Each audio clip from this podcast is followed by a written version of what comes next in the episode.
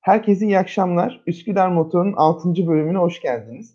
Bugünkü konuğumuz e, siyaset bilimci, yazar Yalın Alpay. Hoş geldiniz Yalın Bey. Üsküdar Motor'una hoş geldiniz. Hoş bulduk Yunus Emre'cim. Çok teşekkür ederim beni davet ettiğin için. Ee, seni bir süredir, kısa bir süre gerçi ama bir süredir çok büyük ilgiyle takip ediyorum ve biliyorsun senin adına kamusal alanda da tweetler de atıyorum. Seni çok başarılı buluyorum. Ee, gurur duyuyorum açıkçası. E, ve şunu söyleyeyim, televizyonlardaki bu yetkin konuşmaların hem içerik anlamında muazzam hem de canlı yayın baskısını kaldırman anlamında şahane. E, ve bunları çok genç olduğunu biliyorum. Yaşın dolayısıyla söylemiyorum. Herhangi bir yaş grubu için muazzamsın. E, bu arada sana yani sen diyorum o samimiyetimizden doğmuştu öyle.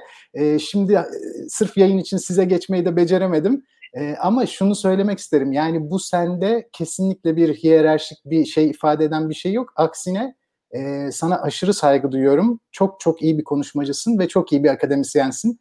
E, önümüzdeki yıllarda kim bilir nasıl olacaksın açıkçası gurur duyuyorum.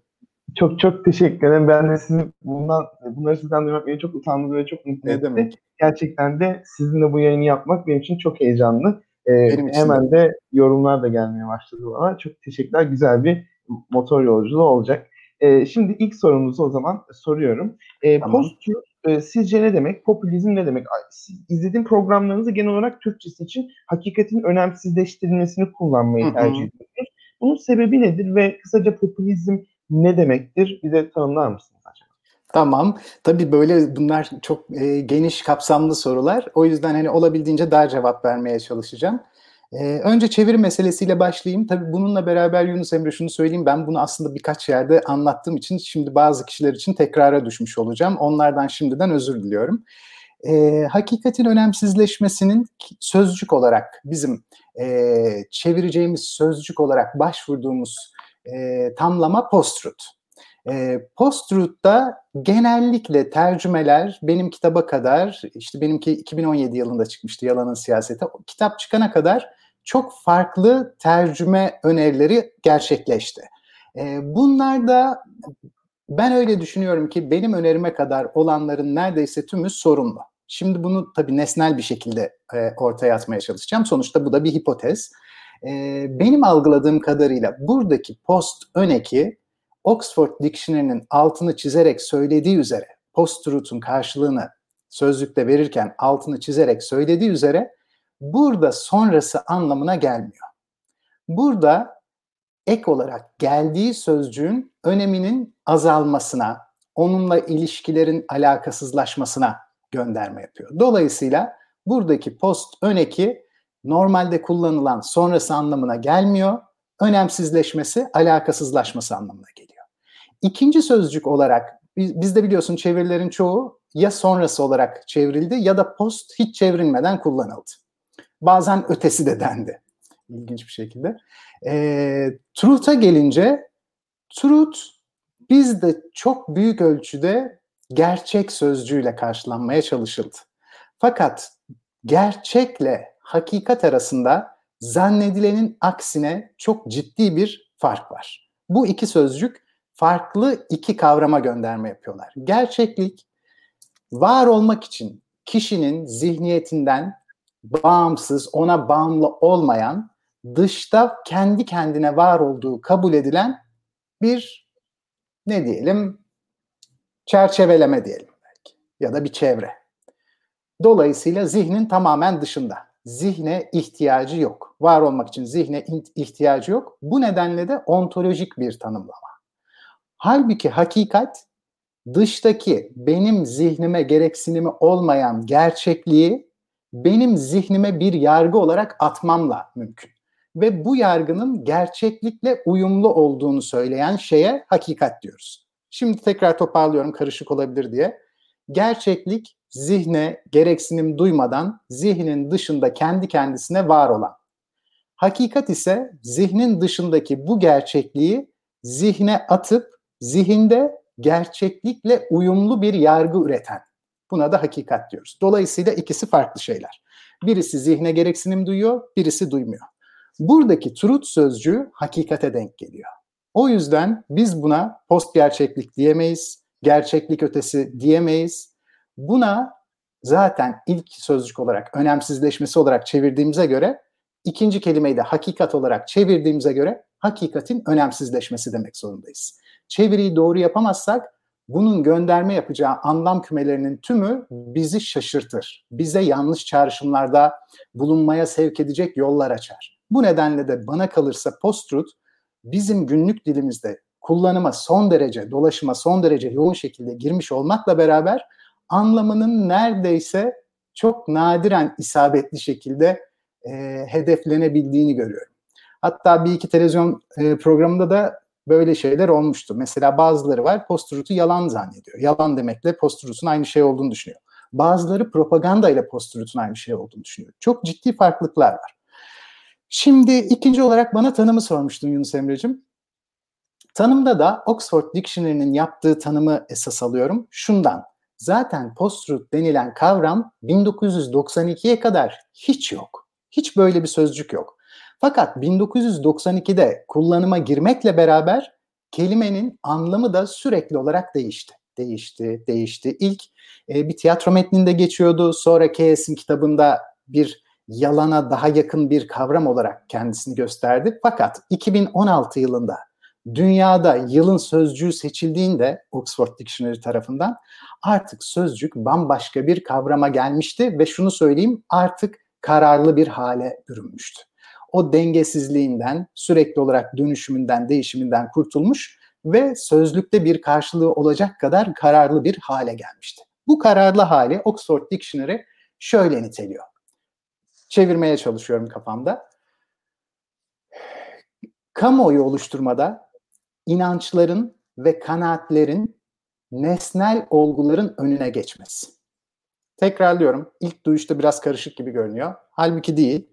Tekrarlıyorum o yüzden.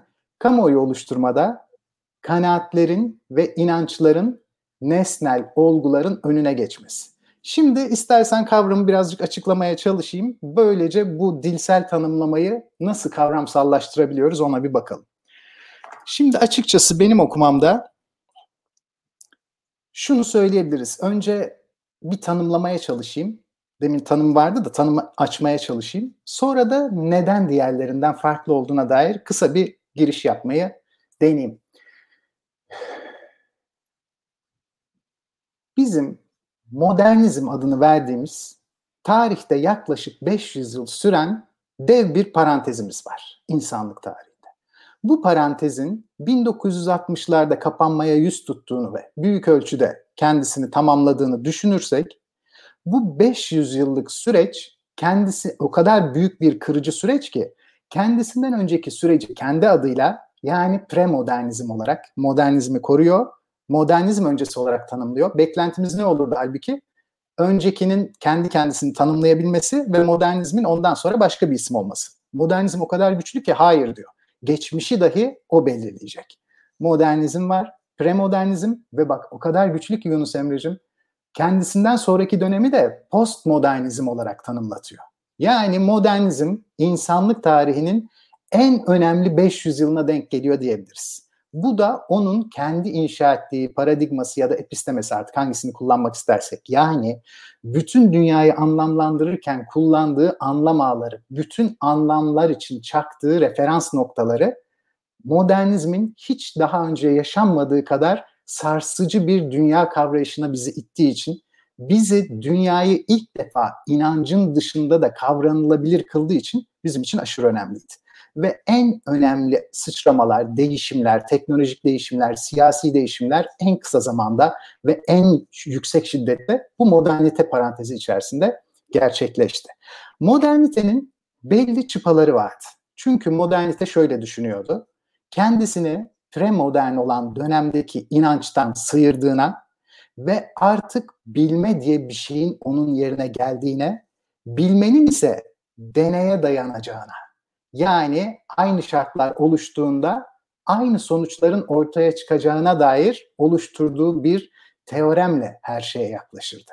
Bu yüzden denene denene hep aynı girdilerin, hep aynı sonuçları vereceğine olan bu inanç, sarsılmaz kanaat bir süre sonra bunun bilim olarak kutsanmasına ve inancın inancı ikame edecek yeni paradigmaya evrilmesine yol açtı. Bu yeni paradigmada Yunus Emre'cim şimdi demin kullandığımız tanımdaki iki sözcüğü kullanacağız. Birini reddetmiştik, birini tanımın içine almıştık. Bunlar gerçek ve hakikat. Gerçek modernitede daha önce hiç olmadığı kadar kullanıma ve dolaşıma girmiş bir sözcüktür. Çünkü moderniteye göre insanın zihninin dışında bir gerçeklik vardır. Moderniteye göre. Postmoderniteye göre yoktur mesela. Hatta şunu da söyleyeyim. Premoderniteye göre de var mıdır yok mudur kuşkuludur. Çünkü gerçek varsa onu insan bilemez premodernitede. Tanrı bilebilir.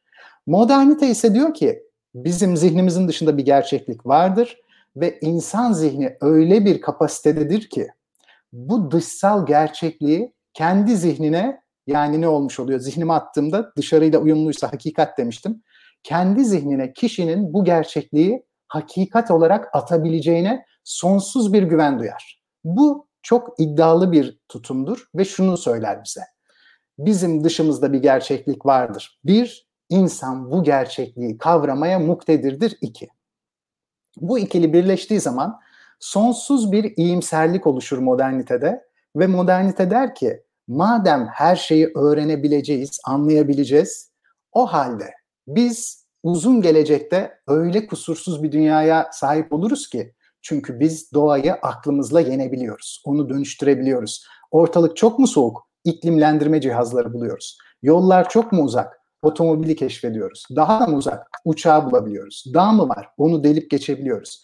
Birbirimizi göremiyor muyuz? Çok uzak coğrafyalarda mıyız? Cep telefonunu icat ediyoruz. Modernite bu gerçeklik ve hakikat ilişkisi üzerinden, bu güvendiği, çok güvendiği bu ilişki üzerinden her şeyi yapabileceğini düşünüyor ve kusursuz bir ütopyanın peşine düşüyor. Böyle bir ütopyada hep iyimser olunur ve tarih hep ilerlemecidir. Çünkü şunu düşünürler, hep daha fazla şey bileceğiz. O halde tarih hep ileriye doğru akacak. Bu yüzden sonsuz iyimser bir moderniteyle karşı karşıyayız. Fakat ne oldu da peki bu modernite böyle kırıldı da parçalara ayrıldı? Modernite sonrası denilen postmoderniteye düştük. Yunus Emre'cim burada şöyle bir durum ortaya çıktı. Madem gerçeklik vardır ve zihnimiz gerçekliği anlamaya muktedirdir, o zaman maalesef modernitede en akıllıların imtiyazlanmaya başladığı bir süreçle karşı karşıya kalıyoruz.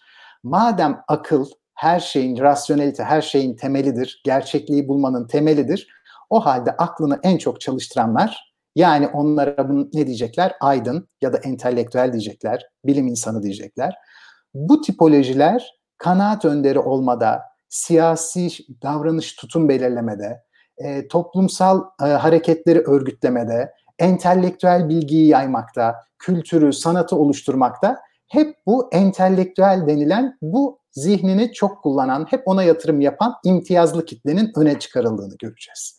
Fakat bu kitle öne çıktıkça modernite şöyle düşünüyor demiştim ya hani gerçeklik var ve ben zihnimle ona ulaşabiliyorum.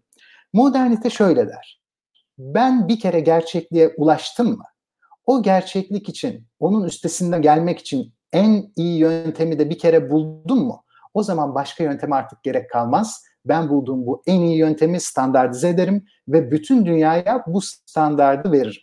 Şöyle bile diyebiliriz kısaca. Aklın yolu birdir o halde en iyi yolu bir kere buldum mu herkesten onu kullanmasını beklerim. Bu bir tek tipolojiye sıkışmaya ama daha tehlikelisi aydın despotizmine doğru yelken açan bir gemiye dönüştü. Böyle bir ortamda hiç beklenmedik şekilde demokratik gelişmeler olacağı beklenirken büyük, güçlü, modern devletler tek parti yönetimlerine doğru evrilmeye başladılar. Çünkü o zaman öyle düşünüldü ki madem aklını en çok çalıştıran kişi en önde, o zaman halkın en çok oyunu alan kişi de işte o dönem için ki bugün başka etkilerini görüyoruz. O kişi de en doğru kararları verebilecek. Kendi kadrosuyla en e, akla yatkın şeyleri söyleyebilecek. Ve bu sefer şöyle bir şeyle karşılaşıldı. Halk kendi kimliğini yukarıdan gelen despotizmle kaybetmek pahasına onların söylediğini yapmak zorunda hissetti. Onlar gibi düşünmeyenler bir miktar hor gördüler.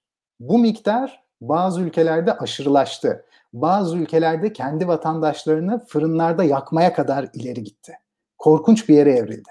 Modernite kötü olan modernite değildi. Modernitenin kendi kendisine evrildiği aşama bir yerden sonra modernitenin o ağır yükünü taşıyamadı. Modernite hayatı tamamen anlamlandırabileceğini düşünmüştü. Her şeyi eksiksiz olarak, kusursuz olarak zihinde temsil edebileceğini düşünmüştü. Bunun gerçekleşmediği, tarihin ilerledikçe hep daha iyiye ilerlemediği çok acı deneyimlerle fark edildi, tecrübe edildi. Ve Yunus Emre'cim iki tane dünya savaşı modernitenin kurduğu rayların üzerinde gerçekleşti. Böyle olunca e, zaten sanatta 1910'larda başlamış olan, mimaride yine bu yıllarda başlamış olan modernite sonrası e, yeni ne diyelim yeni e, görsel akımlar, görsel sanatlar, plastik sanatlar bir süre sonra artık yaşamın içerisine de girmeye başladı. Ve aydın despotizminden siyasi anlamda da sıyrılan bu yeni dünya düzeni Sovyetlerin yıkılmasıyla beraber kendi içindeki çıpalarını da yitirerek mutlak bir çıpasızlığa doğru evrildi. Ve artık o döneme postmodernizm diyeceğiz. İşte post-truth, postmodernizmin siyasi gelişmelerinin gerçekleştiği ayak. Yani bu çıpasızlığın içerisinde siyasetin nereye evrildiğini belirleyen şey.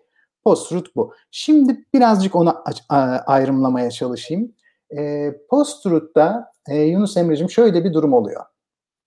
İnsanlar premodern dönemde ve modernizmin başlangıcında da neredeyse tamamen doğdukları yerde ölecek bir hayat yaşıyorlar. Yani çoğu insan köyünü hiç terk etmiyor. Bazıları sadece ilçeye gidip geliyor ama kentler küçük, kentlerde yaşayan çok insan yok. Herkes hayata ilişkin bütün bildiği verileri kendi birincil tanıdıklarından çekiyor. Ben kimden veri çekiyorsam evrene ilişkin onlar benim dört bir tarafımdalar, çevremdeler. Hiçbir dolayım yok. Arada hiçbir medya dolayım yok. Bu yüzden ben her şeyi rasyonel olduğu kadar sezgisel olarak da test edebiliyorum, sınayabiliyorum. Alışkanlıklarına göre ne zaman yalan söylediğini anlıyorum, ne zaman ürktüğünü, ne zaman korktuğunu, ne zaman bir iş çevirdiğini. Bunları sezgisel olarak test edebiliyorum. Çünkü onların hepsini tanıyorum. Ve aynı zamanda da onlar da beni tanıyorlar. Yani hem güvenilir bir ortamdayım hem de aşırı sıkıştırılmış durumdayım. Çünkü üzerimde büyük bir premodernite baskısı var bu nedenden ötürü. Fakat Emre'cim ilk defa medya aracı dolayım girdiğinde yani ilk kitap giriyor biliyorsun. Kitap dolaşıma girdiğinde kitap bu kimsenin ölene kadar dışarı çıkmamış olduğu köylere, ilçelere girdiğinde kentli yazarların yazdıklarıyla kendi ilçesinden, köyünden hiç çıkmamış kişilerin bu karşılaştıkları kentli dolayımlar ve özellikle de çoğu başkentten gelen kitaplar bunlar. ilk defa bir tahayyül evrenine yuvarlandılar daha önce görmedikleri, hiç birebir karşılaşmadıkları hem insanlardan hem yeni sosyal sınıflardan hem yeni mimari biçimlerden, yeni teknolojilerden, bürokrasiden haberdar oldular. Fakat bu haberdarlık hiç de alıştıkları evrendeki gibi kendi gözleriyle, kulaklarıyla hissettikleri şeyler değildi. Bunları bir yazı üzerinden tahayyül etmek zorunda kaldılar. Artık orası muğlak ve büyülü bir dünya. Böyle olunca Burada yeni modeller öğrenip kentliler gibi aşık olmaya, kentliler gibi bürokraside sıra beklemeye, haklarını savunmaya ya da aristokratlar gibi yemek yemeye en azından özendilerse de bir sürü şeyi olduğu gibi görmeyip onları çok aşırı idealize ettiler ve kafalarında çok yüksek bir sınıf koydular kendilerine, kendilerini de çok aşağı yerleştirdiler.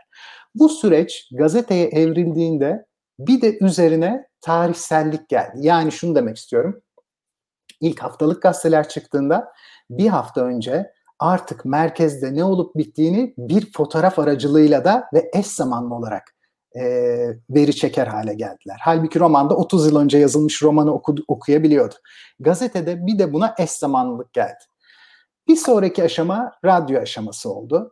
Radyoda da genellikle tabii kurulumu pahalı olduğu için hükümetler radyolarda egemenlik kurdular. Şimdi bak nerelere geliyoruz. Roman yazımı daha çok burjuva değerleri dağıtırken gazete işte daha görsellikle okuma yazma bariyerini atlayamayanlara en azından resim göstererek onları da dahil ederken radyoda artık okuma yazma bariyeri tamamen sıfırlanıyor ve artık kimi duyuyorsun? Hükümeti duyuyorsun.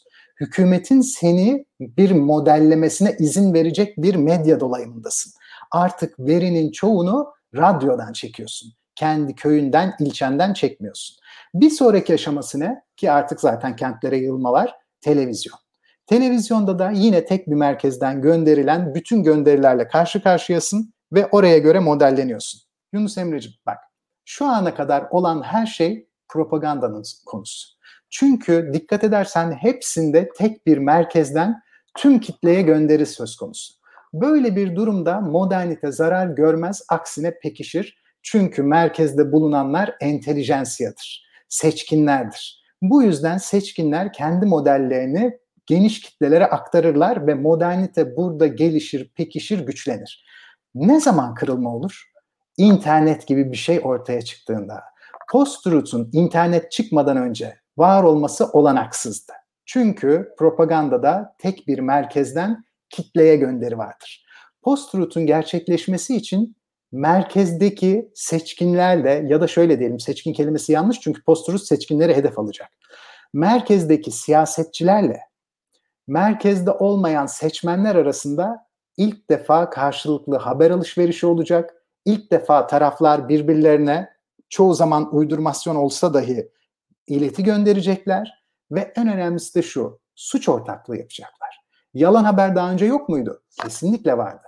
Fakat yalan haberin ortaya çıkmasını engellemek için çeşitli rasyonel mekanizmalar vardı. Bu mekanizmalar demin bahsettiğimiz entelektüellerin bu gazetelerde, e, radyolarda, televizyonlarda editör olarak çalışmasından ve bunların ancak lisans eğitimini, işte yüksek lisansını gazetecilik gibi bir yerde almasından gazetecilik ilkeleri denilen modernitenin belirlediği o ilkelere sürekli olarak uymaya çalışmalarından ve dikkat edersen hep diğer entelektüelleri etkileyecek şekilde haber yapmalarından kaynaklanıyordu. Entelektüeller modernitede o kadar güçlüydü ki birkaç entelektüelin zihnini değiştirirsen bütün toplum onları takip edeceği için o zaman ortada sorun kalmıyordu. Fakat entelektüelleri nasıl ikna edebilirsin? Tabii ki bazılarına rüşvet vererek ama çoğunluğunu rasyonel argümanlarla ikna edebilirsin. Dolayısıyla eskinin yalan haberleri de rasyoneliteye dayanırdı. Olabilecek en rasyonel şekilde inşa edilirlerdi. Bu yüzden de anlaması bir miktar daha güç olurdu. Yalanı söylemek de daha zordu. Yeni sistemde artık herkes birbirine ileti gönderebilir hale gelince öncelikle geleneksel medya topallamaya başladı. Dikkat edersen o clickbait'lerde yani e, şok şok şok haberlerle o ilk ortaya çıkan ki 2004'te ortaya çıkacak. Çok yeni yani bu. 2004'te A02 ile beraber herkesin internet gazetesi yapmada çok kolayca e, haber siteleri yapabilmesi ve bu haber sitelerini genellikle ana akım medyada iş bulamayanların çünkü o bariyerleri yok. Editörlük bariyeri yok. İşte e, lisansı oradan değil. Yani gazeteci olmayanların gazete kurup gazeteciymiş gibi davranmalarıyla ve onların üretecekleri içeriklerin rasyonel olamayacağı için ya da rasyonel anlamda yeterince güçlü olamayacağı için dolaşıma girmek adına daha sansasyonel, kışkırtıcı, görür görmez insanın hemen o habere tıklamak isteyeceği içerikler ya da başlıklar üretmek zorunda kaldılar. Fakat Yunus Emre'cim bu iş o kadar çığırından çıktı ki hemen bir yıl içerisinde ve o kadar başarılı olundu ki yani tık alma konusunda başarılı olundu ki ana akım medyanın tümü başta Hürriyet gazetesi olmak üzere ki o zaman şimdiki sahipleri yoktu. Hani o uzun yıllardır e, tanınan bilinen kimliğindeyken Hürriyet, Milliyet bunlar da bir anda şok haberler yayınlamaya başladılar. Gerçek olan sahte olandan etkilenip sahte olanı taklit etmeye başladı. Çünkü internet artık sistemi değiştirmişti. İşte post-truth böyle bir aşamada bu sisli ve puslu alanda anca ortaya çıkabilecek bir mekanizma. Ve propagandadan neden farklı? Artık tek bir merkezden kitleleri ikna etmek için yapılan bir gönderi değil o. Bundan böyle merkezle merkez dışında olanın ama hangi merkez dışında olanın modernitenin kendisini hep hor gördüğünü düşünen, kendisini entelektüellerin ikinci sınıf vatandaş olarak konumladığı hissine kapılan kitlenin kendisi gibi davranan ve seçkinleri aşağılayan yeni nesil siyasetçinin el ele tutuşup ortak yalanlar üretmesiyle ortaya çıktı. İşte post-truth yalan da değil, propaganda da değil, siyasetçinin ve kendisini modernitede ikinci sınıf vatandaş hisseden geniş kitlelerin el ele vererek bundan sonra ne söyleyeceğimiz önemli değil. Önemli olan bizim birinci sınıf vatandaş olmamız diye yeni paketledikleri bu medya sisteminin sonucu. Dolayısıyla artık post-truth'ta yalan önemli değil. Bu yüzden post-truth'un adı ne? Hakikatin önemsizleşmesi. Hakikat artık önemli değil. Önemli olan bu kitlenin ve onun kendisinde kimlik bulduğunu düşündüğü e, siyasetçinin birlikte iktidarı entelektüellerin elinden almaları ve seçkinleri iktidardan ve birinci sınıf vatandaş olmaktan düşürmeleri, yerine de yıllardır özgüvenleri yerinden edilmiş olan bu kitleyi geçirmeleri. Dolayısıyla post-truth anti seçkinci radikal bir devrim ve bu devrimin olması inan internete bağlı. Bu yüzden internet olmasaydı böyle bir durum olamayacaktı. Ee, şunu iddia edebiliriz. Medya araçları her değiştiğinde iktidar ilişkileri değişir. Bilginin, verinin hangi dolayımda dolaşıma girdiği değiştiği için bütün sosyolojik, ekonomik, kültürel tüm sistem değişir. İşte post-truth böyle bir yeni dönem. E, hemen şurada şunu soracağım. Dediniz ki anti seçkincilik ve o siyasetçilerle modernitenin dışladığı kesimlerin birleşmesi dediniz ve çok güzel bir aslında bir tarihsel e, çizgi çizdiniz. Hemen burada Trump'ın 2016 kampanyasına bağlamak istiyorum. Çünkü 2016'daki hikaye de çok e, main yani çok e, kabul edilebilir olmayan, modernitenin kalıplarına sığmayan bir e, başkan adayı Amerika'da toplumun e, dışladığı, birazcık daha kendini temsil edemeyen isteden mavi yakalı beyaz işçi sınıfının oyunu alarak bir seçim kampanyası kazandı ve herkes şok oldu. Peki sizce Trump'ın 2016 kampanyasının işe yaraması hani daha demin anlattığınız süreci aslında çok oturuyor ama pratik açıdan bu ikisini bağdaştırma şansınız var mı? Tabii yüzde yüz. Hatta şunu söyleyebiliriz. Bu, bu konuda da tabii çok dikkatli konuşmak lazım senin yanında. Çünkü sen bu ülkedeki en iyi Amerikan uzmanısın. Yani benim gözlemim o açıkçası. Çok o yüzden abi. senin yanında insan bir tedirgin oluyor yani. Yok. Fakat şunu söylememiz e, doğal olur. 2016 yılında post-truth'un yılın sözcüğüne dönüşmesinde Brexit'in ve Trump'ın çok büyük katkısı vardı. Trump'ın katkısı biraz önce senin de çok iyi ifade ettiğin şekilde Trump demin anlattığımız bu kuramsal yaklaşımın neredeyse se- anti seçkinci siyasetçi lider olarak e, ete ve kemiğe bürünmüş hali. E, Trump dikkat edersen onun üzerine bir Netflix'te bir belgesel de var gençlik yıllarına ilişkin. Gençlik yıllarından itibaren kendi varlığını daha çok türev bir evren inşa ederek ortaya koymaya çalışan birisi. Şunu kastediyorum yani bununla hep kendisinin var olduğunu söylediği parasından çok daha az parası varken böyle olmadığını, çok daha zengin olduğunu yayacak böyle bir aura inşa etmesi, her zaman çok yüksek borçluluklarla iş yapmaya çalışması, kumarhanesini bile kurarken ki şunu bile söyleyebiliriz, kumarhanenin kendisi bile bir türev evren. Çünkü biliyorsun sen de e, pencereleri olmayan, içeride dışarıyla bağlantıyı her anlamda kesmeye yönelmiş e, yeni bir e, eğlence merkezi orası. Dolayısıyla alternatif bir dünya, işte pencerelerin olmaması gece mi gündüz mü anlamamanızı sağlıyor. Orada olabildiğince çok saat geçirmenizi istiyor. Sık sık oksijen pompalanıyor içeriye. Ee, ve e, dinç olmanızı istiyorlar. Her şey ücretsiz, yeme içme ücretsiz. Alternatif bir evren var. Trump her zaman o kumarhanesinde olduğu gibi alternatif bir evren inşa edecek ve bunu hep söylemsel olarak yani mış gibi yaparak inşa edecek. Post-truth'ta ne zaman mış gibi olan geniş kitleyle siyasetçinin aynı anda işine yarayacak bir pozisyona gelecek. Çünkü sen belki bize birazdan daha iyi anlatırsın. Trump'ın bu ilk seçime girme kararı değildi. Daha önce birkaç kez böyle bir karar vermiş ama sonradan hep ucundan geri dönmüştü. İlk defa şimdi şartlar türev evren üreten bir siyasetçinin kitleyle kavuşması için uygun bir şart oluşturdu. Çünkü şunu düşünelim. Trump normalde beyaz yakalıların hiçbir şekilde kendisini ait hissedeceği bir kimliği simgelemeyen bir isimdi. Bu ancak post-truth döneminde böyleymiş gibi yapılabilirdi. Trump zaten bunu sağlamak için ne yaptı? Çok e, pratik akıllı birisi diyelim. Yani şöyle diyelim, başarılı bir siyasetçi mi? Asla. Ama çok becerikli bir siyasetçi. Bu becerikliliğini nerede gösterdi? Hangi kitleye oynayacağını çok iyi kestirdi ve oynayacağı kitle şuydu. Sen de biliyorsun belki birazdan popülizme de gireceğiz. Popülizm ve post tabi el ele giden kavramlar bunlar. E, popülizmde yabancı düşmanlığı yoğundur.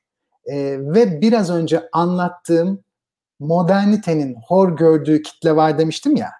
O kitle popülizmde kendisini gerçek halk olarak tanımlar.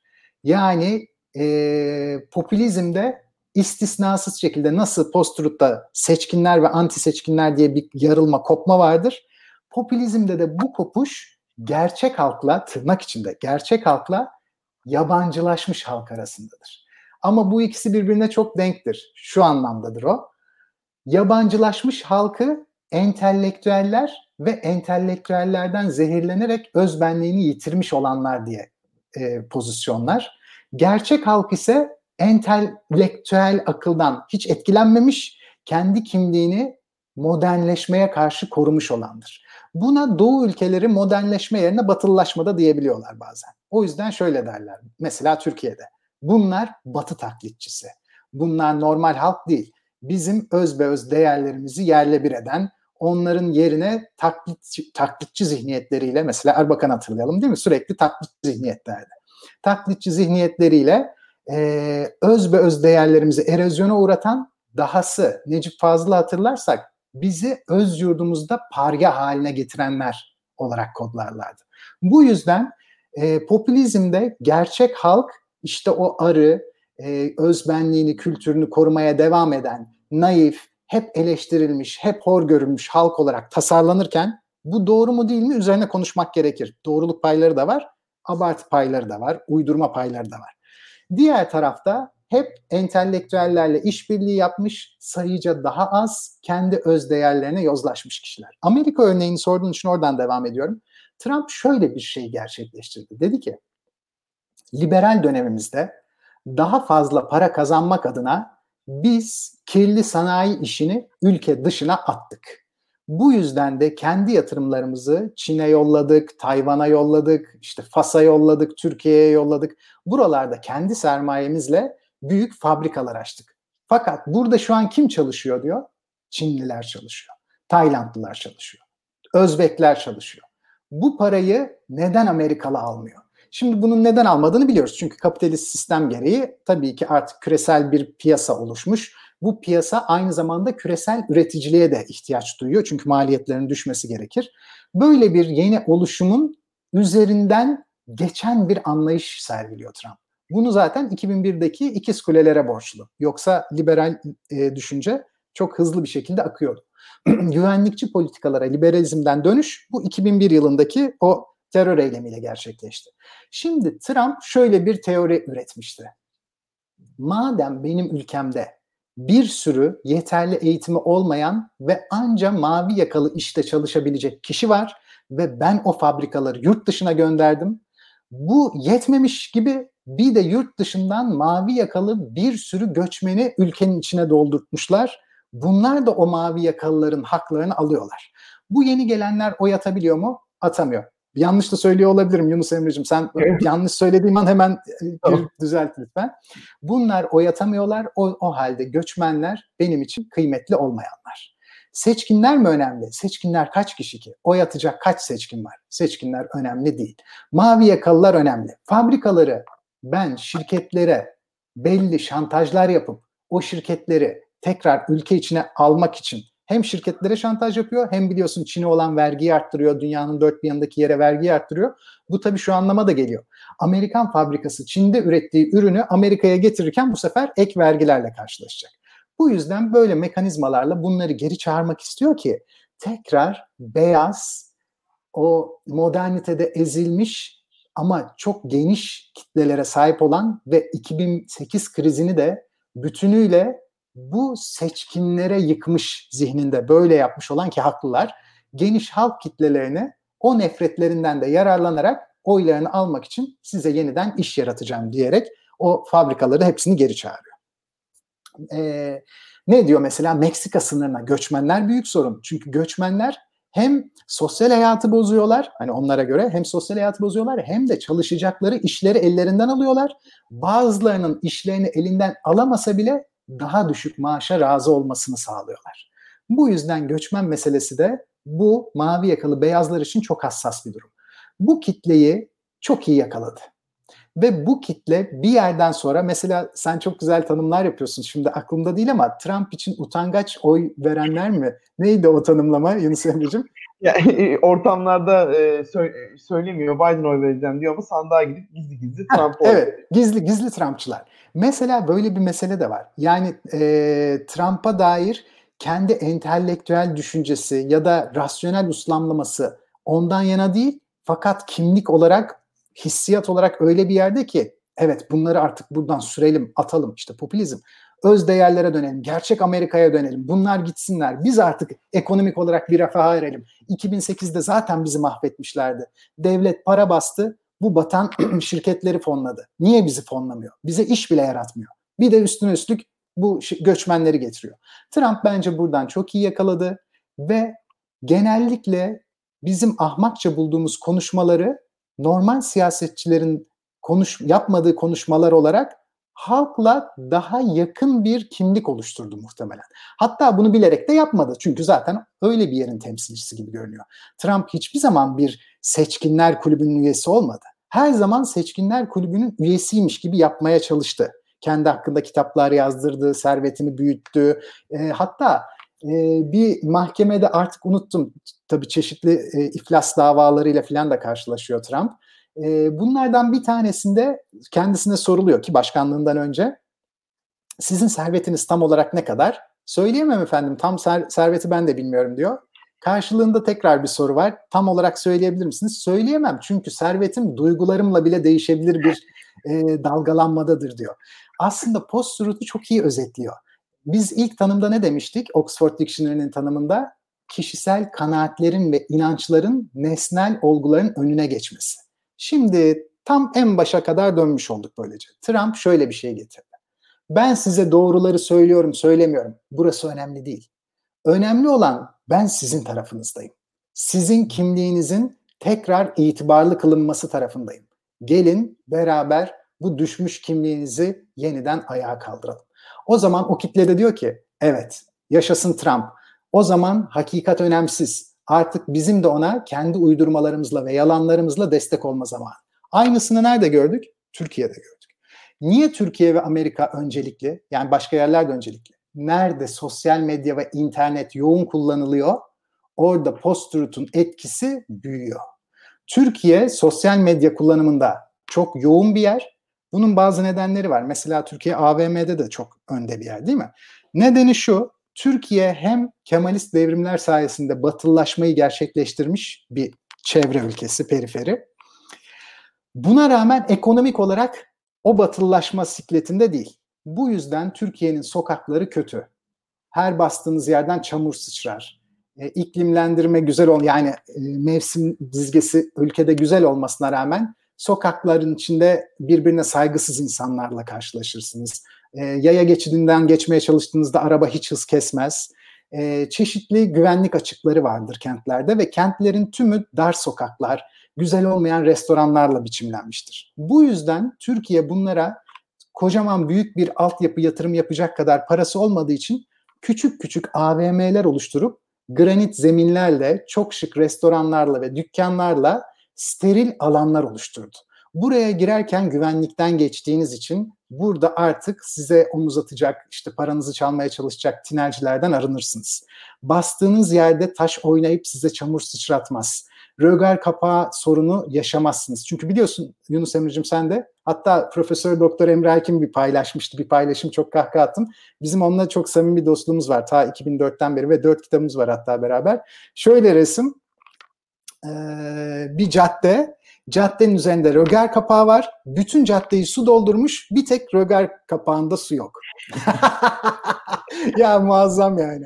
E, dolayısıyla Türkiye'deki bu altyapının işte gerekli para olmamasından ya da işte tabi biliyoruz ihaleler kanununun sürekli esnetilmesinden veya kötüye kullanılmasından ama öyle ya da böyle steril bir sokak e, kültürü yok. Bunu nerede görüyoruz? Yarım yamalak Nişantaşı'nda. Çünkü Nişantaşı'nda da öyle kaldırımda yürümek çok zordur. Çok yamuk ve dar kaldırımlara sahiptir Nişantaşı. Biraz daha iyisini Bağdat Caddesi'nde görüyoruz.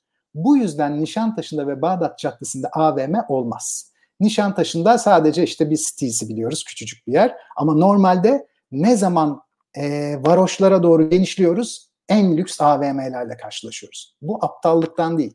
Oradaki yatırımın gerçekleşmemesi yüzünden bunu özel sektörün bir şekilde açığı görüp steril alan yaratmasından kaynaklanıyor.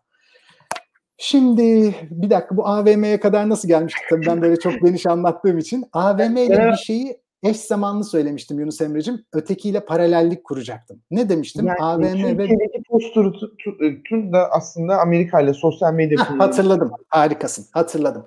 İlk demiştim ki sosyal medya kullanımı ve AVM Türkiye'de çok fazladır. Sosyal medya kullanımı da şundan kişiler kendi kimlikleriyle büyük paralar harcayarak çok steril yerlere gitmekte zorlanıyorlar. Çünkü bizim e, ortalama kişi başı gelirimiz e, maalesef batılılaşmış ülkelere göre ya da işte gelişmiş ülkelere göre düşük. Bu yüzden Türkiye'de ama bir batılı zihniyet var. Yani daha tüketim kültürüne elverişli, sosyalleşmek isteyen, kadının sosyal hayatta kendisini gösterebildiği. Çünkü Osmanlı İmparatorluğu'nun boşalttığı bölgelere bakarsan pek Türkiye imtiyazlı yani hani Türkiye'den iyi ülke çok az var. Belki yok. E, dolayısıyla zihnen bir modern modernleşmeden geçilmiş fakat ekonomik olarak bu modern zihnin gerektirdiği e, siklete çıkılamamış. İşte o zaman bu açık AVM kadar sosyal medya tarafından da kapatılmaya çalışıldı. O yüzden bizim AVM'lere gidişimiz ve sosyal medyaya yüklenişimiz Türkiye'yi çok daha kolay post-truth'u yaşayan, popülizmi daha önce diğer ülkelere göre daha önce göğüsleyen bir ülke haline getirdi. Bunda bir de Kemalist devrimin mağduriyet yaratmasıyla beraber hani ne konuşmuştuk? Popülizmde modernitenin zarar verdiği, ikinci sınıf gördüğü, itibarsızlaştırdığı genel bir kitle gerekir. Popülizm bunlara gerçek halk adını verir demiştik.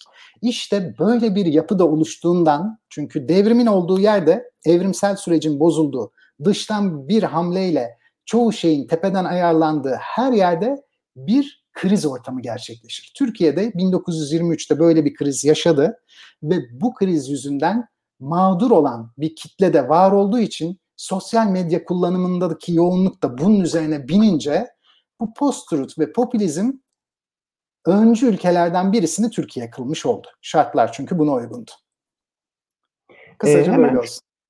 hemen Türkiye'ye bir sonraki soruda bir daha geleceğim ama ondan önce şu e, Trump kampanyasını bir şey yapmak istiyorum. Bu Make America Great Again'de siz e, hani e, bu geçmişe dair olan bir anlatının da aslında post-truth ve popülizmin önemli olduğunu söylüyorsunuz. 2016'da bazı beyaz Amerikalılar işte Make o Amerika'yı yeniden muhteşem yap anlatısında işte bazıları göçmenlerin olmadığı Amerika'yı, bazıları Aha. siyahların o hakkı olmadığı Amerika'yı herkes kendi kafasındaki bir ütopik e, geçmiş Amerika'yı belki de var olmayan bir Amerika hayal ederek oy verdi. Bu gün Türkiye'de de geçmişe dair anlatılar. Emre'cim senden bir izin isteyebilir miyim? Ekranımda bir kararma oldu. Hemen bir, bir iki dakikalık sadece. Yani bana bir soru sorma ki e, ben şimdi tamam. onu arayayım.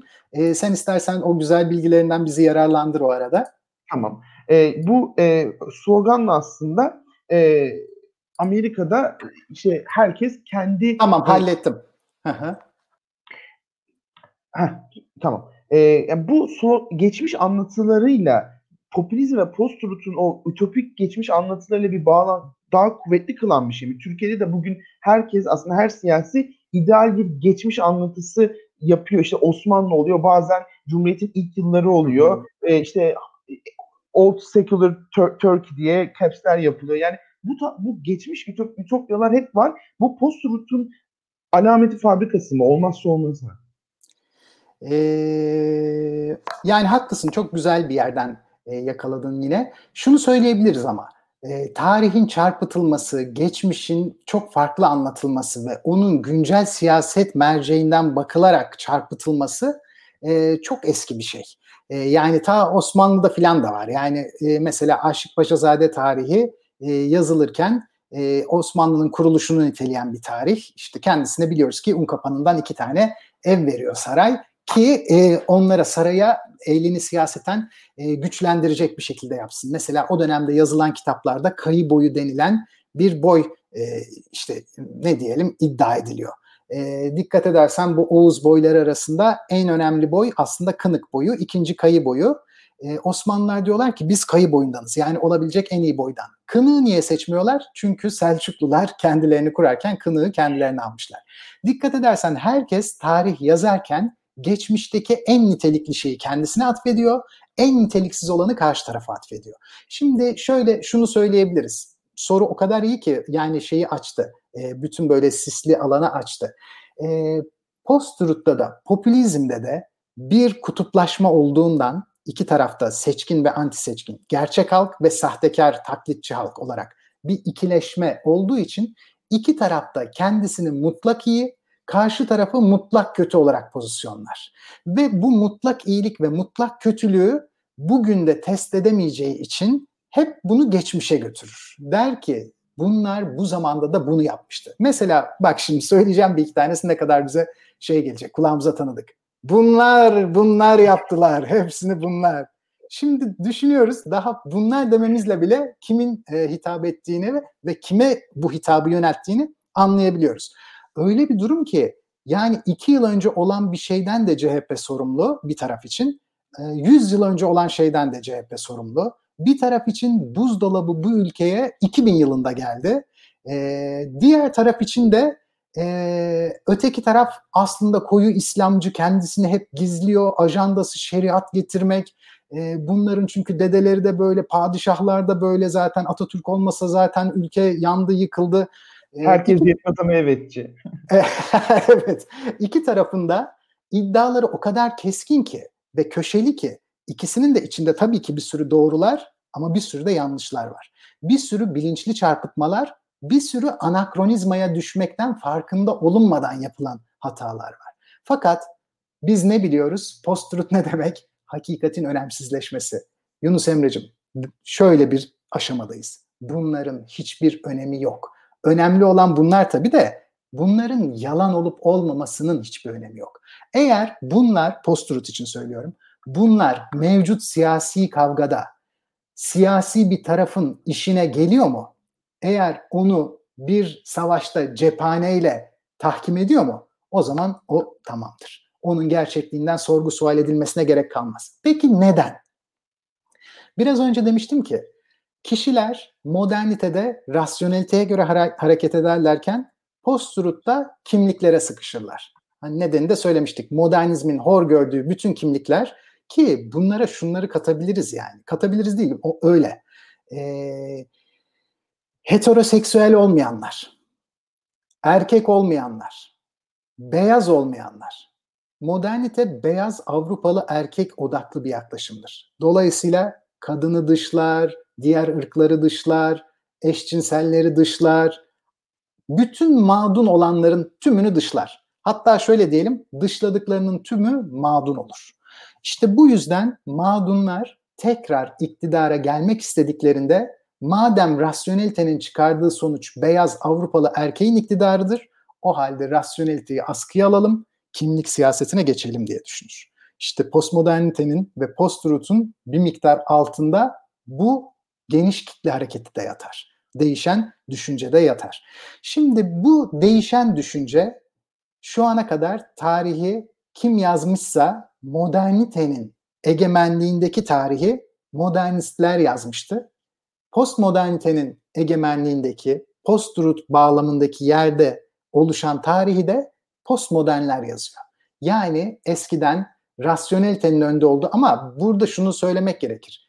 Beyaz Avrupalı erkeğin başa gelmesi rasyonelitenin bir e, zaafı değildir yani. Modernitenin zaafıdır. Modernite eşittir rasyonelite diyemeyiz. Çünkü ikisi birbirinden bazı anlamlarda farklılar şunu söyleyebiliriz. Rasyonelite modernitenin en önemli özelliklerinden birisiydi ama ikisi özdeş değildi. Dolayısıyla hani şöyle bir anlatım çıkmasını asla istemem çünkü kendimi rasyonel tarafta görüyorum. Rasyonelitenin gelip gelebileceği, varabileceği sonuç beyaz Avrupalı erkeğin iktidardır sonucuna katılmam. Ama modernitenin gelip döndüğü yer burası oldu. Hani bu ikisi arasındaki ayrımı yapayım. Bu sınırlı vaktimiz olduğu için açmak mümkün değil ama belki başka bir konuşmada e, denk gelip belki açıklayabiliriz. Şimdi tekrar öteki tarafa dönüyorum. Modernitenin yazdığı tarihte Türkiye örneğinden gidelim mesela. Ne denir kitapta? Türk modernleşmesi. Bu kitapların adı Türk modernleşmesi kitapları olur. Dersleri nasıl açılır üniversitede? Türk modernleşmesi. Yunus Emre'cim, eğer iktidar değişirse bunun adı Türk Yozlaşması kitabı olur ve Türk Yozlaşması derslerine evrilir. Dikkat edersen Cumhuriyet kurulduğunda kendi Osmanlı İmparatorluğunu, içinden çıktığı imparatorluğu Yoz İmparatorluk olarak tanımlamıştı. Padişahları da en büyük hainler olarak resmediyordu. Dahası Türkiye kurulduğunda ana iddiası, tabi sonra değişti bu iddia da, ana iddiası Osmanlı İmparatorluğu'nun bir devamı olmadığı, Osmanlı İmparatorluğu'ndan bağımsızlığını elde eden son ülkenin Türkiye olduğu şeklindeydi. Dolayısıyla siyasi iktidarlar her seferinde kendi araçsallaştırabilecekleri tarihleri inşa ederler ve bunu yazarlar. E, hatta şunu da rahatlıkla söyleyebiliriz. Hatta yani bunun üzerine aslında bir sürü yerde konuştum da Nutuk da böyle bir inşanın kitabıdır. 1919 ile 1927 yılları arasındaki siyasi bütün gelişmeleri Mustafa Kemal Atatürk'ün gözünden veren dolayısıyla o da taraflı bir kitaptır. Şuna gelmek istiyorum. Ben tabii ki kendimi daha çok Türk modernleşmesine yakın görüyorum. Bunu şundan söylüyorum. Türk modernleşmesini kayırmadığım anlaşılsın diye. Yani Türk modernleşmesi için bazıları için Nutuk mesela kutsal kitap. Tek bir kelimesi bile yanlış olamaz. Ya hiç böyle bir anlayış olabilir mi? Mesela demin de hani konuşmuştuk ya sorun rasyonelitenin değil modernitenin. E, böyle bir rasyonelite olur mu? Hem modernizmi savunuyorsun hem Nutuk'un tek bir kelimesi bile yanlışlanamaz diyorsun. Dolayısıyla hani deminki konuya da bir örnek vermişti olduk bu anlamda. 2002'den sonra bir liberalleşme, demokratikleşme, postmodernleşme adı altında tabii eski sistemle ciddi bir hesaplaşma gerçekleşti ve bu hesaplaşmanın en büyük e, taşıyıcılarından bir tanesi yeniden yazılan tarihti. Metinler dönüştü, değişti ve e, dikkat edersen daha önce hiç duymadığımız zaferlerle övünürken mesela Kutlulamare e, Çanakkale gibi zaferler geriye alındı. Burada nasıl bir yaklaşım var? Atatürk'ün içinde bulunduğu Cumhuriyet öncesi zaferler unutturulurken Atatürk'ün dahil olmadığı minik zaferler değil mi, büyütülmeye başlandı. Normal. Yani e, Atatürk döneminde de tam tersi yapılıyordu. E, dolayısıyla bunu post-truth'un asli bir unsur olarak görmüyorum. Yani bu hep vardı. Fakat post-truth için büyük bir destekçi olduğu kesin. Post-truth'un önünü açıyor, ona yeni olanaklar sağlıyor ve şu var, rasyonel bir anlatı, tarih anlatısı kurarken tarih yazıcının olabildiğince fazla kaynağa gönderme yapması beklenir. Ve bu kaynaklara dipnot attığında o kitabın o sayfasında gerçekten öyle bir şeyin var olması beklenir. Şimdi acı bir durum. Ee, bunun üzerine bir çalışmam da var. Türkiye'de 2000'li yıllardan sonra bu dipnotlarda büyük sahtekarlıklar gerçekleşmeye başladı. Yani verilen dipnottaki o kitabın o sayfasına bakıyorsunuz hiç öyle bir şey yok. Ee, veya düşün şöyle şeyler de oluyor. Gizli Lozan maddeleri. ya böyle bir şey yok ki. Yok böyle bir şey. WhatsApp gizli grupları. anılar, gizli Çerkez Etem anıları şimdi bulundu. Ya bunlar büyük yalanlar. Çerkez Etem üzerine ben bayağı çalışma fırsatı buldum. Beş tane farklı günlüğü var Yunus Emre'cim. Beşinin de dilsel e, üslupları bambaşka. Anlattıkları bambaşka. Birinde Atatürk'e düşman, birinde Atatürk'le dost İsmet İnönü'ye düşman, birinde ülke sevdalısı işte yani inanılmaz. Yıl geçtikçe yeni yeni şeyler, e, sahte anılar üretiliyor. E, dolayısıyla post-truth sahte olan tarih yazımını daha fazla kabul edebilen bir dönem. O yüzden e, senin demin iyi ifade ettiğin üzere bu hep olmakla beraber post-truth'ta hiç olmadığı kadar etkili olmaya başladı. Ve iktidar kimdeyse onun milli eğitime erişimi, bizim ülkemizdeki örnekte bakarsak tüm medyanın tekelleşmesine ve tüm medyanın da tek ses olmasına ve o sesin iktidar sesi olmasına azami önem gösterildiği ülkelerde bu sefer dört bir yandan o söylem her her yeri çerçeveledi. Bana o kadar çok yani benim hocalarıma da e, bir sürü soran şu, şu soruyu soran çok fazla. Lozan'da gerçekten gizli anlaşma var? Gizli maddeler neler? Bunun gibi bir sürü şey. Gerçekten camileri ahır mı yaptılar? E, gibi gibi gibi gibi yani böyle bir, bir sürü e, realiteyle uzaktan yakından alakası olmayan e, şey ortaya çıktı. Şunu da söylemek isterim. Post-truth'taki bu tarih yazımındaki artık hakikatin aşırı önemsizleştirilmesi söyleyenlerin entelektüel tezlerinin içeriğini de boşaltıyor. Şunu söyleyebilirim. Sağ muhafazakar tarih yazımının bazı tezleri bence çok kıymetli ve doğru. Ama bununla beraber içindeki pakette öyle şeylerle geliyor ki o gelinen şeyler içerideki doğru tahlilleri, analizleri, entelektüel yaklaşımları da boşmuş gibi gösteriyor. Entelektüel anlamda kabul edilmesini zorlaştırıyor. Fakat konuşmanın başında da demiştik ki hakikatin önemsizleşmesi döneminde kimin entelektüele ihtiyacı var? Entelektüelleri rasyonel olarak ikna edebilirken halkı, geniş kitleleri duygusal olarak ikna edebilirsiniz. O yüzden yeni iktidarlar post-truth döneminde tarihleri rasyonel yazmak yerine şiirsel, lirik, epik, duyguları iyi hissettirecek, şahlandıracak şekilde. Hatta bak Yunus Emre'cim çok komik bir şey söyleyeceğim. Bu şahlanma meselesini çok sık kullanıyor değil mi bizim iktidar? Şahlanıyoruz. Ekonomimiz şahlandı, siyaseten şahlandı, demokrasimiz şahlandı. Bak şimdi o kadar ilginç ki. Post-truth böyle bir şey işte. Şahlanmak kime özgü bir şey? Değil mi? Atlara özgü. Ekonomimiz kişnedi desen sinirlenirler muhtemelen. Değil mi? Yine aslında ata gönderme var. Bizim siyasetimiz, demokrasimiz kişniyor. E yine at yani e, dolayısıyla buradaki bütün metaforlar, benzetmeler rasyoneliteden artık uzak, sadece duygu yaratmaya yönelen, e, hızlı bir şekilde sansasyonel, hep başarı, hep böyle dopamin salgılatacak şeyler ve yıllardır kendilerinden esirgenmiş olan özgüvenin yeniden yaratılması ya da pekiştirilmesi gibi anlamlar. Hatta şunu söyleyebilirim, şöyle bir örneklendirme yapayım. Kemalist dönemde de Türklük kimliği pek önemli bir kimlik olmadığından ya da özgüven vermeyen henüz bir kimlik olduğundan çünkü Osmanlı İmparatorluk yapısı içinde Müslümanlık daha öncelikli bir değer. Ama Cumhuriyet Müslümanlığı istemiyor kimlik olarak. Onun yerine seküler bir Türklük vermeye çalışıyor ama Türklük kimliği henüz itibarlı değil. Onlar da ne yalanlara başvuracaklar? Etiler Türktü, işte Sümerler Türktü ne yapacaklar? Etibank kuracaklar, Sümerbank kuracaklar. Yani bugünün iktidarı ne yapıyorsa aslında modernler de az çok onu yapıyordu. Fakat en azından o dönemde Sümerologlara çalıştırıyorlardı bu işi. E, işte ana, Mavi Anadoluculuk diye işte akımlar üretiyorlardı. Şimdiki dönemde artık sadece duygulara hitap etmek yeterli hale geldi. Bu tabii hakikatin önemsizleşmesini hem besliyor hem de oradan besleniyor.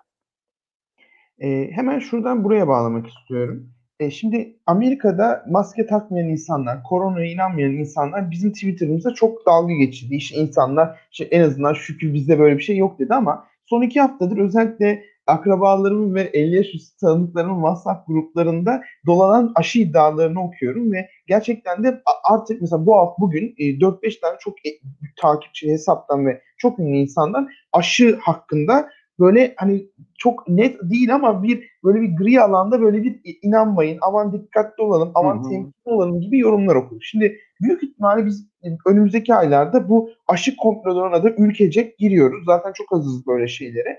Ya bu kadar temel, bilimsel bir konuda aslında cevaplarını önceden verdiniz tabii ama bu kadar bilimsel net bir konuda bile yani Amerika'da maske takmaya takmaya inanmayan, Türkiye'de aşıya inanmayan yani bu nasıl aşılabilir ve bu noktaya bu bilim konusunda, sağlık konusunda insanların öldüğü, hayatını kaybettiği bir konuda neden bilim insanları yerine WhatsApp'taki işte bu mesajı okuma oku, yıldızlamazsanız telefonunuz kilitlenecek temalı bir e, mesaj inandırıcı hale geliyor. Çok e, tuhaf değil mi? İyi, çok güzel bir soru. Çok çok güzel bir soru. Ama hakikaten biraz önce anlattıklarımla çok bağlantılı. Evet. Biraz önce demiştik ki modernite 500 yıllık bir parantezdi ve bu parantez içinde deneye dolayısıyla da hep aynı şey yapıldığında aynı sonuç çıkacağına bir inanç vardı. Buna bilim diyorduk. Dolayısıyla bilim bize çoğu şeyi söyle, çoğu değil her şeyi söyleme kapasitesine sahip diye düşünüyorduk. Postmodern döneme geçildiğinde 60'lardan itibaren modernitede işte bu e, entelektüel bakışa ve bilime olan inanç köklerinden sarsıldı Artık bu inanç var olmadığı ya da var olmadı demeyelim erozyona uğramaya başladığı için ve bu erozyon tabii her yıl daha da fazlalaştığı için e, burada bir paradigma değişikliği sırasında olan bir e, tezahürle karşı karşıyayız. Düz dünyacılar da böyle, aşı karşıtları da böyle. E, bize sunulan kanıtların zaten kendi kendisinin içerisine sıkışmış kanıtlar olduğunu düşünüyorlar. Yani şöyle demek istiyorum. Ben bilime inanmıyorum. Bilimin inanmıyorsam bilimin söylediği şey gerçek değildir. Bilimin doğru olduğunu söyleyen şey bilimin kendisi. Ben bilime inanmadığıma göre kendi kendini doğrulayan bir şeyin hiçbir şeyine inanmama gerek kalmaz. O zaman demek ki aşı da yok, o da yok, bu da yok. Bunları tetikleyen şey de komplo teorileri. Komplo teorilerinin ortaya çıkmasıysa o da şöyle söyleyebiliriz. Dünya giderek hiç olmadığı kadar karmaşık ilişki ağlarına savruluyor. Griftlik artık çok aşırı uçlarda. Biz dünyayı eskiden kendi gözümüzle, kendi kulağımızla, burnumuzla hissederken yani duyularımızla hissederken şimdi hep medya bağlamlarıyla algıladığımız bir yerle karşı karşıyayız. Bu yüzden biz artık bir var varlık olarak onu hissederek değil, bir idealar dünyasındaki tahayyül olarak kavramak zorundayız. Tahayyül olarak kavramaya çalıştığımızda bizim zihnimiz bu büyüklükteki bir dünyayı tahayyül etmeye muktedir olamıyor. Ve bu yüzden kendisini aşırı belirsizlikler içinde buluyor, aşırı bir güvensizliğe düşüyor. Bu güvensizliği aşmak için kendine inandırıcı minik formüller bulmak istiyorlar. Yani çok az girdiğiyle çok keskin sonuçlar elde etmek istiyorlar. Buna ne diyoruz? Komplo teorisi. Komplo teorilerinde dikkat edersen Emre'cim var olan bir ya da iki tane kanıttan bütün dünyayı anlamlandırmaya çalışan bir yaklaşım vardır. Halbuki demin bilim için söylediğimiz kendi içine kapanıyor. Bilimin bilimsel olduğunu ve gerçek olduğunu söyleyen bilimin kendisidir. O yüzden güvenilemez dediğimiz gibi komplo teorisi de sanıktan kanıta gider. Hiçbir zaman kanıttan sanığa gitmez. Onlar için de tıpkı post-truth ve popülizmde olduğu gibi iyiler ve kötüler vardır. Komplo teorilerine göre kötüler genellikle Yahudilerdir, masonlardır, e, beyaz Amerikalı iş adamlarıdır, finansçılardır, Soros'tur. Evet ama Happy Top'u 5 tane gruptan söz edebiliriz toplamda. Ve bu beş grup tarihsel olarak da sürekliliği vardır. Yani bunlar tapınak şövalyelerinden başlar da bugüne kadar sürerler gelirler. Bu kişiler komplo teorisyenlerine göre dünyayı ele geçirmek isteyen veya hali hazırda dünyayı zaten yöneten kötü insanlardır. Bu bir avuç kötü insan bütün dünyayı yönetir. Komplo teorisyeni hep şu soruyu sorar. Hastalık mı çıktı? Bu hastalık kimin işine yarar? İlk soracağı soru budur komplo teorisi. Vereceği cevapsa hiç değişmez. İşte o beşli gruptur. Demek ki o beşli grup bize bu kötülüğü yaptığına göre bizim bu beşli kötü, kötü grubun e, kanıtlarına ulaşmamız zaten olanaksızdır. Çünkü bunlar iktidardadır. Kendi kanıtlarını silerler. Ortadan kaldırırlar. Bu yüzden komplo teorisyenine göre kendi komplo teorisine uydurabilecek ya da ona tanıklık edebilecek kanıtlar zaten olmaz. Çünkü onlar onları hemen süpürmüşlerdir. Bu yüzden ilk sorduğu soru bu iş kime yarar? Aşı mı bulundu? Bu bir kapitalizmin oyunu. Kime yarar? Büyük ilaç sektörüne. İşte Yahudi ilaç sektörüne yarar. Sanığı buldu. Arkasından diyecek ki bunun için bir kanıtım var mı? Hayır. Çünkü Lozan'ın gizli maddeleri bunlar. Kanıtımız yok. Çünkü bunları gizlediler. Gizlediler. Peki arkasından e, ne yaptılar? E, bizim fark edeceğimizi düşünmediler. Biz de zaten fark etmedik. Ve hayat böyle gitti. İşte ilk defa şu cüret oluyor. Artık aşı da olmam. Eskiden böyle değildi. En azından şüpheleri olsa bile e, gidip yaptırıyordu. Neden? Entelektüellere hala güveniyordu. Seçkinlere hala güveniyordu. Entelektüeller onlara aşı olunur mu, olunmaz olur mu hiç? Mutlaka aşı olmalısınız dendiğinde şüpheleri olsa bile gidip o işi yapabiliyordu. Şimdi şöyle bir dünyaya geldik. Madem hakikat yok ya da hakikat önemli bir şey değil ya da ulaşılabilecek bir şey değil. O zaman bir profesörle hiç eğitim almamış bir kişinin hayata ilişkin yorumlar arasında niye fark olsun? Madem hiçbir fark yok ve her şey birer yorumdan ibaret, o halde aşının doğru olduğu bir yorumsa aşının doğru olmadığı da neden benim yorumum olmasın? Hele ki ben bu sanıkları da biliyorsam ve tapınak şövalyelerinden beri bu sanıklar benim paramın, canımın, namusumun peşindelerken Ben de bu bilgiye sahibim. Tek bildiği zaten o kadim bilgisi. Bu bilgiyle bütün dünyayı yorumlayacak ve o kadar az girdi olduğunda ortaya ne yazık ki bu derme çatma komple teorisi çıkacak. Sorun işte maalesef modernitenin kendi kendisini lağvederken rasyoneliteyi de beraberinde götürmüş olması. İşte bu yüzden bu şeylerin içine sıkışıyoruz. Bir de hani şimdi artık mesela bu meclis kürsülerinden de dile getirilecek. Mesela e, 2023 Kasım seçimlerinde e, Amerika'yı gizli Müslümanların yönettiğine inanan biri meclise girdi. Pizza dükkanlarında çocuk satıldığına inanan biri meclise girdi ve bunu kürsüden dile getirince artık yani insanlar büyük ihtimalle e, bakın milletvekili de bunu diyor. E çok normal. Çünkü seçilen temsil gücü olan kişi kimi temsil edecekse onun temsiliyetinde olmalı yeni sistemde. Tekrar söylüyorum bak çok doğru bir yere e, işaret ettin Yunus Emre'cim. O entelektüel, editoryal yer ortadan çekildiği an artık halk tamamen kendi temsilinde olan kişilerle siyasette kendisini temsil edebilecek. Şimdi şunu da söylemek gerekir. Artık saatimiz bitti biliyorum yani. Son bir iki cümleyi söylüyorum. Demokrasi ile popülizm arasındaki dev fark buradan kaynaklanıyor. Popülizm kendisini demokrasiymiş gibi gösteriyor. Çok tehlikeli bir yaklaşım yani bu. Demokraside biz neyi biliyorduk? Özellikle İkinci Dünya Savaşı'ndan sonra kurulan kurumlar aracılığıyla şunu biliyorduk ki halk manipüle edilebileceği için bunu nereden çıkarmışlardı? Mussolini'nin ve Hitler'in iktidarından çıkarmışlardı. Çünkü e, iktidara gelirken bambaşka şeyler söylediler, iktidara geldikten sonra bambaşka uygulamalara evrildiler. E, şöyle düşünüldü. Madem halk böyle kolaylıkla manipüle edilebiliyor, o halde seçilmişler aracılığıyla demokrasi ortadan kaldırılabilme riski ortaya çıktı. Demokrasiyi korumak adına bir sürü kurumsal e, koruma mekanizması yaratalım. Mesela bak Anayasa Mahkemesi böyle yapılmış bir kurumdur. Bugün dikkat edersen demokrasiyle beraber seçilmişlerin atanmışlar karşısında aşırı avantajlı duruma getirilmesiyle demokrasiyi korumaya görev verilmiş, demokrasiyi koruma görevi verilmiş bütün bu kurumların bütün itibarları, bütün içleri boşaltıldı. Dikkat edersen bugün Merkez Bankası'na bir o atanıyor, bir o alınıyor, içerin o giriyor, bu çıkıyor. Bu halbuki bağımsız olan bir kurum olarak işlemesi için kurulmuştu. Bugün Anayasa Mahkemesi'nin kararlarına riayet edilmiyor. İşte demokrasiyle popülizm arasındaki fark bu. Demokraside şöyle bir durum vardı hala. Yüzde 50 artı bir alan dilediği her şeyi yapamaz. Demokrasi kendi kendisini lağvedemez. Demokrasinin tanımı da şuydu. Azınlığın haklarının korunması. Bugünkü gelen popülizmde ne var? Bak tamamen ters. Yüzde 50 artı biri aldın mı?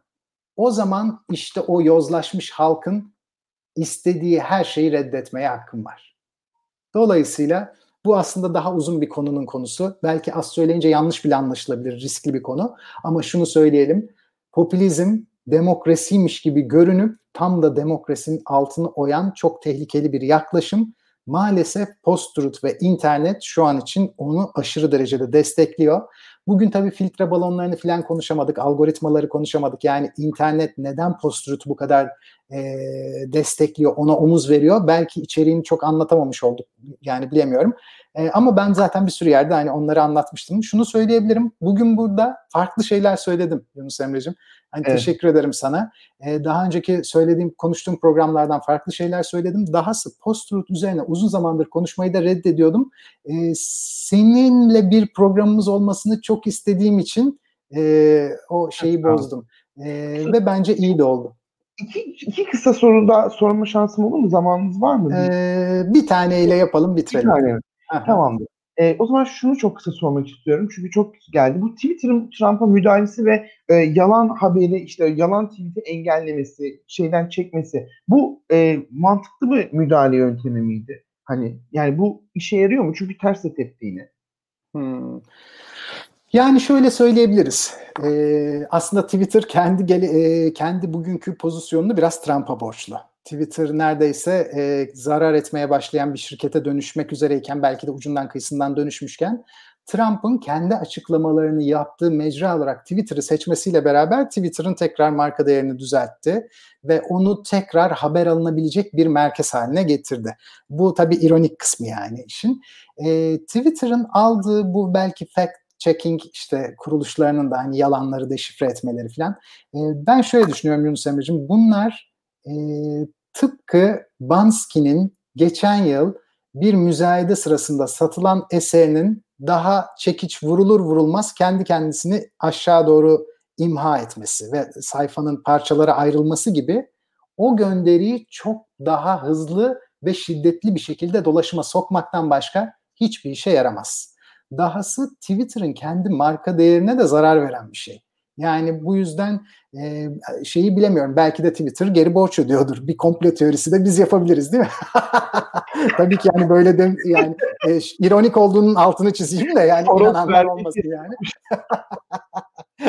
Dolayısıyla şunu söylemek gerekir.